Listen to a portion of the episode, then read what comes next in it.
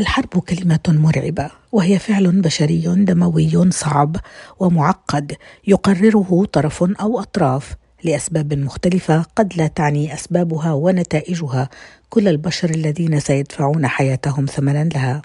تاريخ الحروب البشرية موضوع واسع ومعقد شمل العديد من الأحداث والظروف والأسباب والآثار التي شكلت مسار البشرية على مر العصور، حيث يمكن تقسيمه إلى أربعة مراحل بحسب تعقيدها ونوع الأسلحة المستخدمة.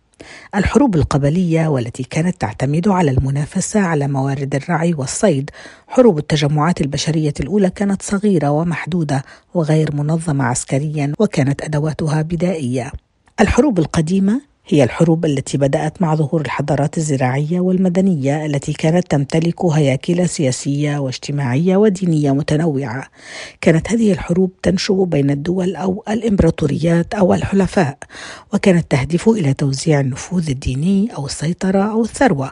كانت هذه الحروب تستخدم الأسلحة الحديدية والبرونزية والخشبية وتعتمد على الجيوش المنظمة والتكتيكات المتقدمة. أما الحروب الحديثة فهي الحروب التي بدأت مع ظهور الثورة الصناعية والعلمية التي أدت إلى تطور هائل في الأسلحة والتكنولوجيا والاتصالات والنقل. نشبت هذه الحروب بين الدول القومية أو الإقليمية أو العالمية وكانت تهدف إلى تحقيق المصالح السياسية والاقتصادية والأيديولوجية والتوسعية الاستعمارية. استخدمت هذه الحروب الأسلحة النارية والمتفجرات الكيميائية والنووية واعتمدت على الجيوش الضخمة والاستراتيجيات المعقدة. أما الحروب المعاصرة فهي الحروب التي تحدث في العصر الحالي حيث يشهد العالم تغيرات سريعة ومتلاحقة من حيث السياسة والاقتصاد وصناعة الأسلحة والبيئة قد تنشب هذه الحروب بين الدول أو مع المنظمات والجماعات غير النظامية وهي تهدف إلى التوسع والاستعمار بالنسبة للقوى الكبيرة والتحرر والدفاع عن المصالح الوطنية بشكل موازن.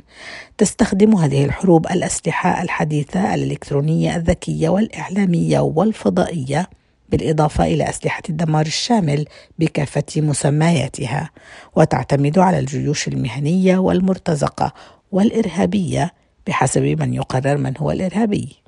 في الحرب العالمية الأولى ووفق بعض المصادر قتل حوالي 20 مليون إنسان أكثر من نصفهم مدنيين. أما الحرب الثانية فقد راح ضحيتها ما بين 50 إلى 80 مليون إنسان أكثرهم من المدنيين.